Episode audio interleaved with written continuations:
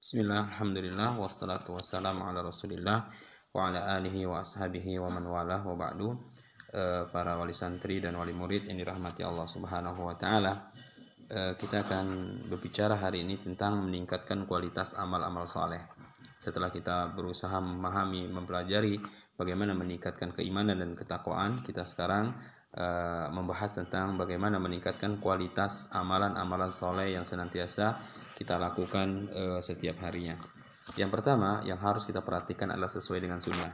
Ya, amalan tersebut sesuai dengan sunnah Nabi SAW atau tidak.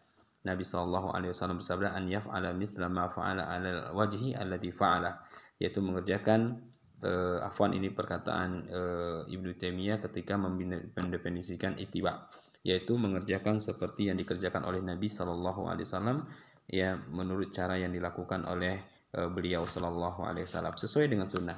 Dan uh, sesuai dengan sunnah berarti tidak menambah dan tidak mengurangi apa yang beliau Shallallahu Alaihi Wasallam. Sebagaimana wudhu wudu'i hadza thumma shalla rakataini la yuhaddisu fihi ma nafsahu ghufira lahu ma taqaddama min dhanbi.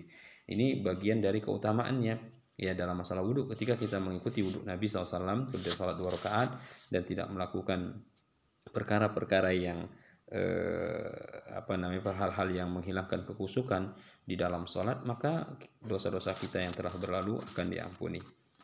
Artinya ketika kita mengikuti sunnah Nabi Shallallahu Alaihi Wasallam maka kualitas amalan-amalan kita semakin meningkat. Kemudian memilih amalan yang paling utama dan yang paling penting.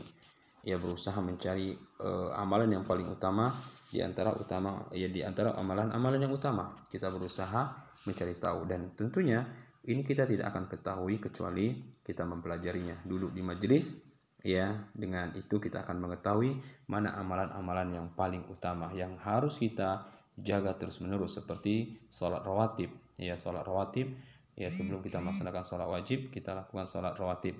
Kemudian ya contohnya sholat qiyamul lail sholat witir begitu juga puasa ya puasa Senin Kamis dan seterusnya. Kita berusaha mencari tahu keutamaan-keutamaan yang ada dalam ibadah tersebut sebelum kita melakukannya sehingga keyakinan untuk melakukannya semakin kuat. Kemudian memilih waktu yang tepat untuk suatu amalan. Amal yakni waktu yang tepat. Contohnya qiyamul lail. Kapan waktu yang paling uh, berharga, paling mulia, paling uh, dicintai oleh Allah Subhanahu wa taala. Ya, waktu-waktu yang mustajabah Contohnya setelah di hari Jumat setelah sholat asar di sana ada yang yani ada waktu mustajabah. Berusaha untuk mencarinya. Ketika 10 malam terakhir di bulan Ramadan ya ini berusaha uh, untuk mendapatkannya. Dan uh, tentunya seorang muslim yang cinta kepada Allah Subhanahu wa taala dia akan beribadah dan dia akan terus mencari waktu-waktu dan amalan-amalan yang Allah Subhanahu wa taala cintai. Kemudian e, beramal secara sederhana namun terus-menerus. Ya, beribadah secara e, sederhana namun terus-menerus sebagaimana Nabi mengatakan ahabul a'mali ilallahi taala adwamuha wa inqal.